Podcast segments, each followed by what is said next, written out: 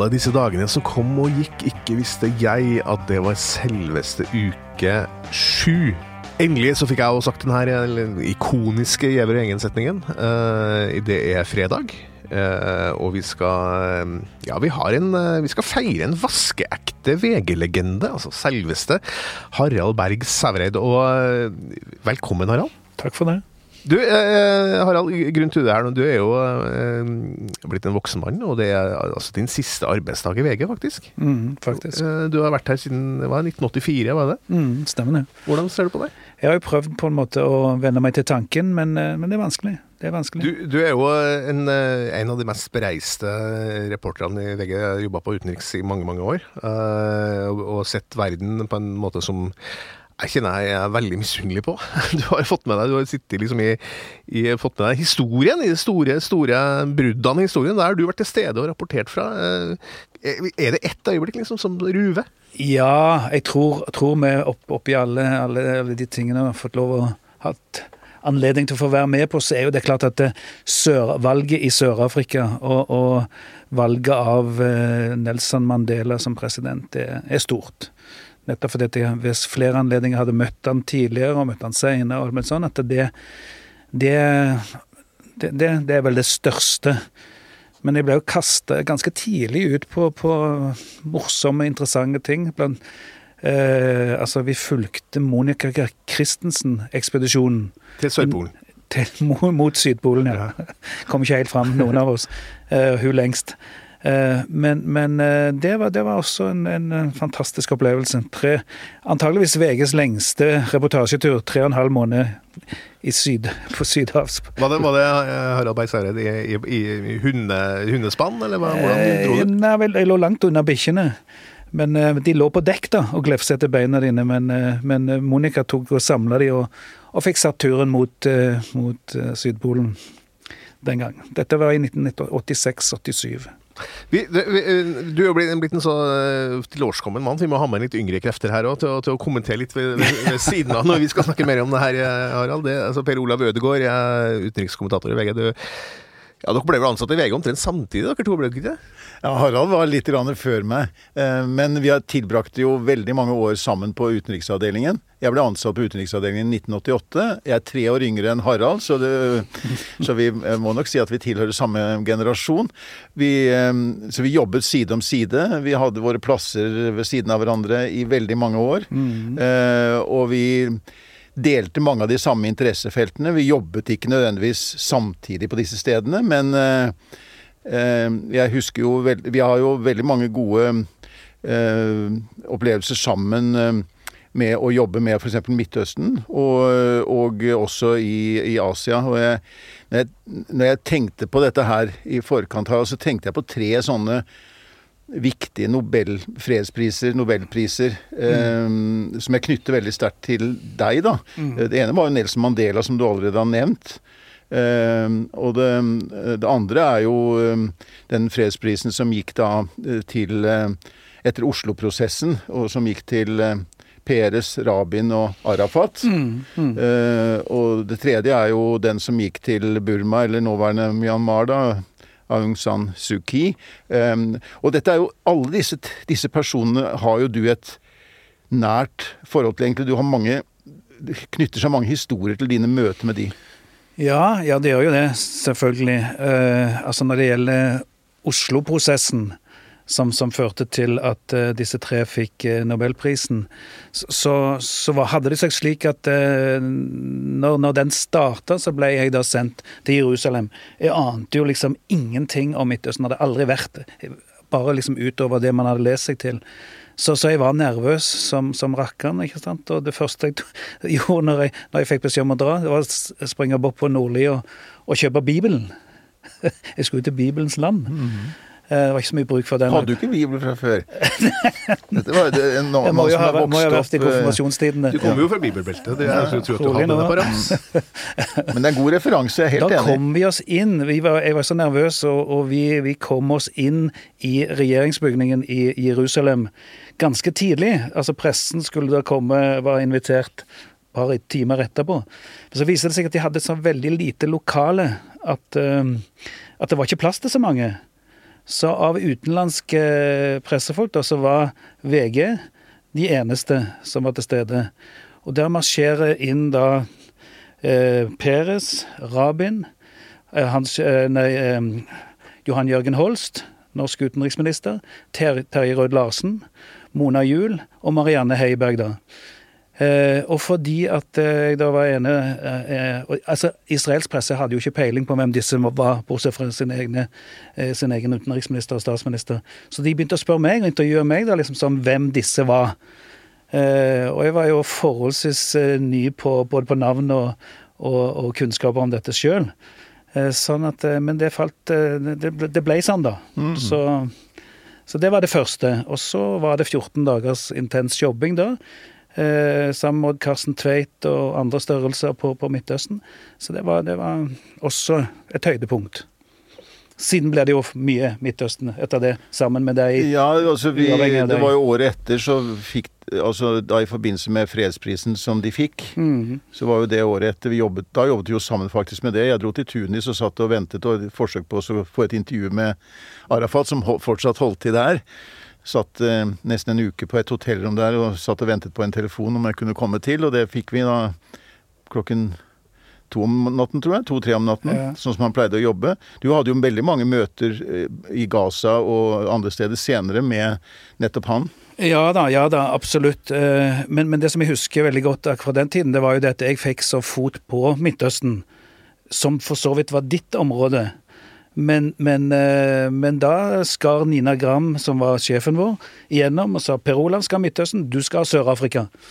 Hva er det som hadde skjedd i Sør-Afrika det, det, det, det var jo, Da hadde jo da de Klerk eh, anerkjent ANC og satt fri Nelson Mandela.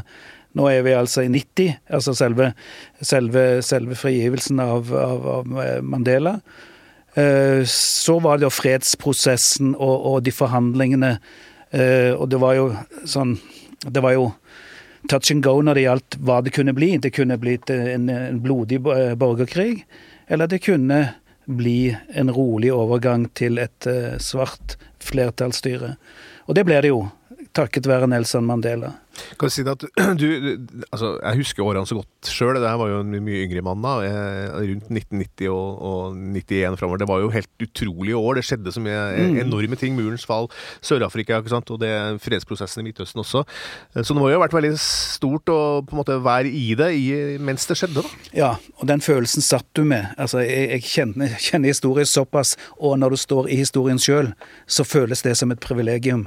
Og det gjorde det virkelig. Mm. Og det å, å, å, bare ha hørt om Nelson Mandela, sett på disse tjukkasbildene av han, så viser det seg at dette er en, en, en flott, høy, eh, gråhåra mann med dette smilet mm. som alle kjenner så godt.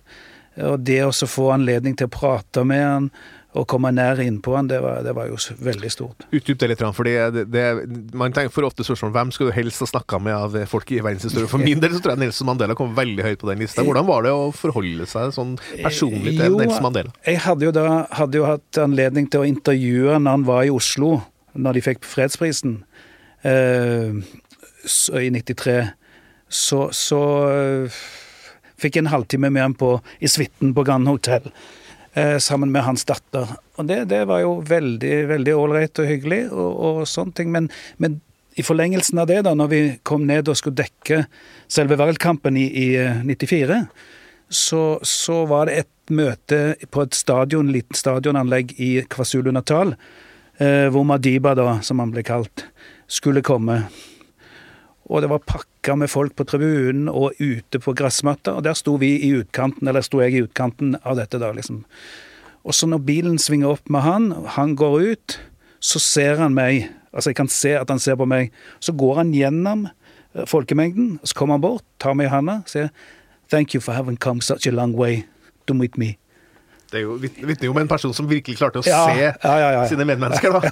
Og du fikk lov til å kalle han Madiba også, eller? Ja, ja jeg gjorde det. Jeg spurte han ved en senere anledning om jeg kunne kalle han for Madiba. All my friends call my Madiba. Why don't you? Så, så det var Nei, det var, det, det, var, det var, flere møter med han. Og det er et stort øyeblikk også når han og Gro Harlem Brundtland eh, gikk hand i hand seks år, altså 1996, seks år etter han var satt fri, så var de på tur i, på, på Robben Island. Vi ble sett vist cella han satt i, number five. Eh, og det, det var, der er det et bilde som jeg er veldig glad i, av med Madiba og Gro, og så har jeg sneket meg med helt på, inn, inn i hjørnet der. Så det var stort. Det var jo eh, sånn at på den tiden så var VG var en papiravis. Det var før vi hadde noe som het nettavis, og lenge før vi lagde podkaster eller TV og sånne ting. Mm. Eh, men vi hadde jo en ganske offensiv utenrikssatsing. Du nevnte Nina Gram, som var leder den gangen. og, og vi det var ofte sånn at vi kunne reise på lange opphold uh, i andre deler av verden hvis det var viktig, ansett som viktig nok. Og jeg husker jo, dette var jo litt senere, men du, du dro jo ned til um, Asia på en lengre reise. Jeg tror du var borti Husker jeg feil? Det var, det var en måned eller to? Ja, eller, ja, ja det, var, det, var, i to bolker. da, Det var høsten i 1996. Du kom jo først til Myanmar, tror jeg. Eller Burma. Mm. Og var veldig tidlig med å treffe en annen fredsprisvinner. Ja. Senere, fredsprisvinner? Ja, ja, altså hadde for, der hadde jeg forberedt meg godt. Det, det kom ikke sånn noe bardus, bardus, på. For det var norsk eh, Apropos legender. Når det gjelder Burma og, og, og, kunnskaper om det, så er det en som heter Halvard Kuløy, eller het Halvard Kuløy, han er død nå, som var en nær venn av, av Aung San Suu Kyi. De hadde møttes i, i Storbritannia, i, i Oxford, når hun var der.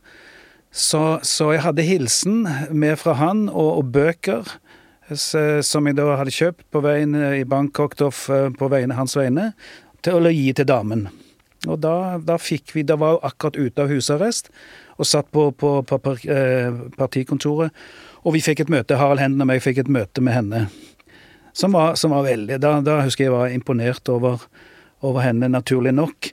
Eh, for dette, eh, vi kom og var litt sånn shaky, for det sto fotografer utenfor som ikke var pressefotografer, men det var regimets fotografer. Så de sto på begge sider av inngangen. Sånn at når du da skulle inn, og så snudde deg vekk fra kameraet, så, så var det et annet kamera der. ikke sant? Så det fortalte vi til henne. Uh, så sa hun But why didn't you flash back? altså, Enten burde satt flashen rett opp i trynet på de. Fotografer har ikke, ikke sant? Nettopp. Så, så, så da skjønte jeg at denne her er det litt mer to enn en bare vanlig politiker. Så, så, vi har møtt henne igjen både i Oslo og Og, og Apropos eh, Nelson Mandela Aung San Suu Kyi er jo også en eh, ruvende personlighet. Ja da, hun ble jo kalt da liksom Asias svar på Nelson Mandela, ikke sant? og det var jo paralleller der. Så ble jo historien litt annerledes for hennes vedkommende, men uh, hun måtte jo balansere på en helt annen måte enn det andre Og Så, så der kan man da ta kraftig i, og noen vil at du skal gi tilbake, burde gi tilbake, det burde fratatt fredsprisen. sånn Direkte latterlig, spør du meg. For den tiden så var hun rett person. Og så har da slåss mot vindmøller i form av den juntaen som, som Men det er nok ikke noe særlig tvil om at uh, folk i Myanmar fortsatt, altså det overveldende flertall, anser henne og Den demokratiske liga som hun leder som, uh, ja. som, uh, folk, som, representanter for folke, folkets vilje der. De vant jo det siste valget også i et landslide, som det heter. Ja. Ja, ja, og hun sitter jo nå i forvaring igjen, eller i fengsel igjen, og om det er husarrest eller fengsel, men hun er er, og hun har jo tiltalepunkter mot seg på, som kan gi henne over 100 år i fengsel. Ja, det, det, det, det, er en veldig vanskelig og kinkig situasjon eh, med henne, men, men eh, rent sånn kynisk og, og, liksom sånn må man kunne si at hun kommer nok ikke til å vare så veldig lenge, fordi at hun er syk. Og, og, og de har jo da lykkes, juntaen, i å stilne henne. Men folk, som du ser, altså folket er for damen, the lady. Så. Veldig, veldig trist historie der med, med Myanmar, syns jeg. At du havna tilbake i det, det mørke som er der. Men, eh, men, etter at du har vært der, så dro du til Hongkong, var det ikke sånn? Til Hongkong, da ja, og det er også litt, litt i history in the making, da. Ja, det var jo det. For dette, det var jo allerede da Altså, I 1984 så, så bestemte den britiske regjeringen at, eh, at Hongkong skulle gå til, til, tilbake til fastland Kina. Og var, det var under Thatcher. Uh, og så skulle jo handover skje da uh, i 1997. Vi var i Burma i 1996 på høsten, og så dro vi videre til Hongkong for å forberede vårt, vårt opphold på vårparten og sommeren i, i 1997. Så, så det, det var òg veldig spennende, og det, det var jo òg Det var jo One, one, country, two systems. Det var jo liksom mm. det som var greia. Og at Hongkong skulle forbli den lille kapitalistiske staten, handelshovedstedet, som det hadde vært i, i, gjennom århundret. Så, så, Og nå ser du jo da hva dette er blitt. Kina har tatt fullstendig over, og, og, og folket der rømmer, eller blir, iallfall har mista motet og, og ser ingen ingen demokratiske mm. Jeg husker veldig godt reportasjen din fra den gangen, Harald. fordi at eh, du var jo der, jeg tror det var det en måneds tid, jeg, før mm. overgangen, som vel var 1. juli. juli. Ja. Mm.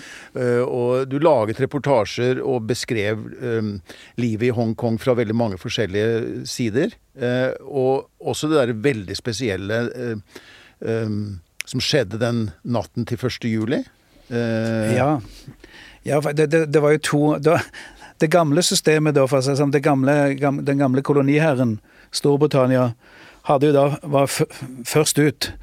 Da sendte de nedover noen lektere med fyrverkeri og, og, og liksom sånn fest, festivitas, som, sto, så vi sto på bredden da og, og så på. Eh, og det var, det var, flott, det. Jeg hadde ikke sett så flott tidligere. Inntil Kina kom med sitt. Mm. Og da kom det større lektere, og det var større raketter, og det var altså en Altså, himmelen sto i lys lue, liksom. Det var, det var også en markering av hvem som sitter på både på det ene og det andre, i dette, i dette tilfellet da fyrverkeriet. Så Men Jeg tenker på Hongkong som et sånn eksempel på hvor du har sett at eh, de ble en del av Kina, ja. Men det skulle være, som du sier, eh, to systemer selv om det var samme land.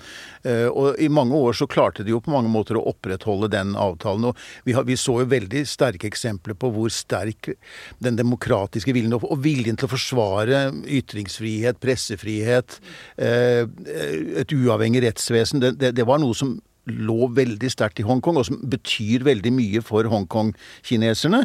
Eh, og jeg reiste dit selv i 2014. Det var siste gang jeg var der, hvor det var denne paraplydemonstrasjonene. Hvor de liksom demonstrerte for at man skulle få ha full uh, valgfrihet. Altså at de skulle ha et demokratisk, fullstendig demokratisk valgt bystyre, eller Um, og det ble jo slått ned, og så kom det nye runder. Og så er det kommet til et punkt nå hvor Kina har tatt fullstendig kontroll, hvor de har innført uh, sikkerhetslover og, og, gjort at uh, opposisjonen ja, er, er, knust. Det er rett og slett Kina. Det er ett land, ett system, ja, ja, egentlig. Det er en veldig trist historie. og, uh, men, men, men den i mange år så var det en optimisme at dette var mulig å opprettholde? Ja, det, det var jo det. Og, og, og du vet, dette, det, det, interessante er jo altså det, det, å komme til, til, til Hongkong Det er jo britisk. Det var britisk som det holdt, ikke sant? Så, så, så den, eh, for oss da som uten, uten kunnskap om understrømningene og, og, og den ting, så, så, var det dritfascinerende ikke sant, å se et stykke Storbritannia i Asia. Men jeg tenker på disse historiene du forteller, Harald. for det at det både i Sør-Afrika, i Midtøsten og i, eh, i, det fjerne Østen, da, for å si både Myanmar og Hongkong, så har på en måte og Du var inne på det der, eh, Hans Petter, innledningsvis, at 90-tallet var en sånn mulighetens tiår. Ja. Hvor det var så mange positive muligheter. Og så er vi kommet til et punkt i dag hvor det i hvert fall på disse områdene der har på mange måter vært en reversering. Ja. Også I Midtøsten nevnte du ikke i stad, men det har jo virkelig vært et eksempel på det samme. Ja, det var, det var jo liksom sånn eh, så Sør-Afrika med euforismen som vi ser. ikke sant? I dag ser man et eh, korrupt samfunn. Som en av aktørene som, som, som, som, var rundt Mandela på den tiden, Cyril Ramaphosa, nå som president prøver å rette opp.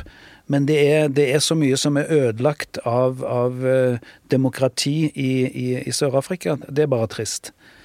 Og i, i Midtøsten så er det jo altså, tostatsløsningen som, eh, som man forfekter og håpe på, den, den, er jo på det nærmeste død, sånn som jeg ser det. Oslo har jo på en måte fått en negativ betydning ja, når man snakker om det. Det var positivt tidlig ja. på 90-tallet, og så er det blitt et, noe som man forbinder med noe negativt ja, i mange leirer. Det det. Enten fordi man er skuffet over det, eller fordi at det aldri hadde men, Begge aldri, deler, begge deler, faktisk. Men I senere år så fikk du jo også øh, Så jobbet du litt nærmere hjem...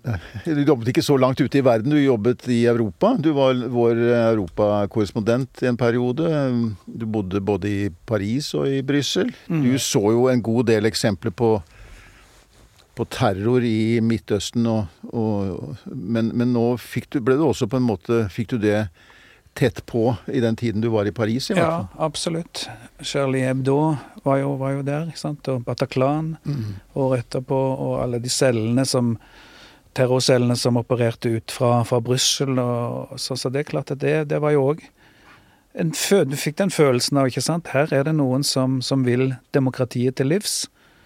Eh, og de heter jo IS, og de heter mye, mye rart. Og det, det, har man jo da fått en viss kontroll på, men, eh, men det vil jo eksistere, ikke sant. Og du har Afghanistan. Det er vanvittige som skjer der. at eh, Taliban kommer tilbake. Eh, og, så det, det er lett å være pessimist. Spørsmålet da, Harald, er jo liksom den tida da, da, du reiste så mye ut til de stedene her, var jo 90-tallet var jo en, som eh, Per Olav sier, et slags sånn, et vindu. En, et kort, kort, vindu der plutselig du følte at verden gikk i riktig retning, men så kom det da Så kom jo eh, omslaget i Midtøsten, så kom jo ikke minst 9-11, og plutselig så, så, gikk verden i en annen retning igjen. Hvordan Jeg skal stille et helt enormt svært spørsmål, men i, nå er vi også i 2022, da. Eh, som eh, gamle utenriksreporter og, og, og og pasjonert eh, opptatt av utenrikspolitikk og, og, det som skjer i verden. Hvordan Går det an å si noe generelt om verdenssituasjonen i 2022? Ja, det er jo på mange måter, som du eh, legger opp til, altså veldig deprimerende. Det er jo trist. Eh, men jeg tenker òg på, på, det som skjer nå i Ukraina og, og, og med, med, med, Russland, som man også hadde, hadde så store forhåpninger til. Eh, at, du var jo selv på Maidanplassen du i ja, 2014. 2014 ja. ja. absolutt. Ja, og det var jo også å få det ned på Altså, når du så disse menneskene, disse stakkars menneskene da, som, som, eh, som da prøvde å, å, stå opp imot Russlands eh, eller Puppeten som da satt som, som, som president, og, og, og, den desperasjonen som, som ligger i når en mektig nabo som, som, Russland begynner å miste taket, og hva de kan finne på å gjøre. Og som du ser i enda større grad nå. Men, men jeg husker spesielt en episode på, på Maidanplassen hvor, hvor eh, vi da som var presse, kunne liksom sånn bevege oss helt tett inntil en scene hvor det ble spilt musikk fra. Og, men, men så, også under der så lå det en haug med kister, åpne kister, av døde aktivister og, og, og folk som da var kom til kryssild, eller hva det var. Eh, og da var det en, en eldre mann som, som, ropte på meg, eller liksom pekte på meg, og jeg skjønte ikke hvorfor, som sto der med en, en, en blomsterbukett som han ville at jeg skulle da gi, eller legge i oppå et av disse døde menneskene som lå i, i en sånn kiste. Uh, og når jeg endelig skjønte hva, hva han ønska, og, og, så gjorde jeg jo selvfølgelig det. Og, og, det var Det er en sånn Det vil jeg alltid bære med meg altså, som en sånn forferdelig trist uh, Og ja, en enkeltskjebne, om det var en sønn eller en bror eller hvem det var han ønska, det, det, fant jeg aldri ut av. Men, men, men det, det, er en sånne, sånne menneskelige ting som Episoder som du kan Du kan relatere deg til det. Så, så det har vært en del av de. Men, eh, men som, på å svare på spørsmålet igjen, altså det er jo Det er klart det er, det er mer trist nå. Det er klart det. det eh, hva, hva, du, får, du får en psycho av en president i USA, også veldig trist. Og de, alle de konspirasjonsteoriene som er så framme, enten det er i, i, Oslo nå i disse dager her, eller, eller hva, hva så, så, så, så er det Så verden har vel tatt et par skritt tilbake, sånn som jeg ser det. Det som har endra seg, er jo eh, fra din eh, Da du var ung journalist og, og skulle ut og ta verden, er jo internett. altså Det er jo en helt annen situasjon ja. nå. ikke sant? Og hvor mye tror du at internett og, og, sosiale medier og den slags har bidratt til den eh, regressive utviklinga vi har sett da, de siste ti årene? 20 årene? Ja, vel, i veldig stor grad. Det er faktisk utelukkende det som har skapt det, det verste. At enhver mann har en mikrofon. Eh, og, og, med de snedige metodene som brukes, så kan du få mange med deg. Eh, og det er klart at det, så er det jo deler av det kapitalistiske systemet som har skapt grupperinger som ikke får ta del i, i gode. Det store vi har på en måte svikta noen. Og det gjør det jo enklere også når misnøyen har fått en mikrofon, på godt og vondt. Men jeg misner, handler misnøyen litt om at, som du sier i starten her, altså at, at hver mann har fått sin, sin mikrofon. At det er, det er, og det er lett å finne en likesinna. Det, det, er lettere å bygge nettverk. Og, finne, finne, før så satt folk hver hver, i hver sin by eller på, foran ja. hver sin TV-skjerm og hytta med neven, mens nå liksom finner man sammen. Ja, nei, altså Vi har jo vokst opp, eh, til og med du som en ung mann, har jo da, vi har jo vokst opp eh, i et land med hvor NRK var enerådende i en lang periode. og vi, Enten du bodde i Lindesnes eller, eller på, på, i Kautokeino, så hørte du på de, de, samme radioprogrammene, så de samme TV-programmene. En samling, en, en, en fel, et fellesskap. Og det er klart at det, det, det, det er jo, det er jo det, det vil ungene mine leser seg i hjel av hvis, det, begynner å snakke om sånne ting. Men, men det er de avartene og de utskuddene av alle, alle sin egen uh, mikrofon og, og har muligheter til, til å Og kan belegge det med fakta òg, på mange måter. Men det er hvordan du setter faktaene sammen, som, som, som gjør dette til, til en skummel utvikling.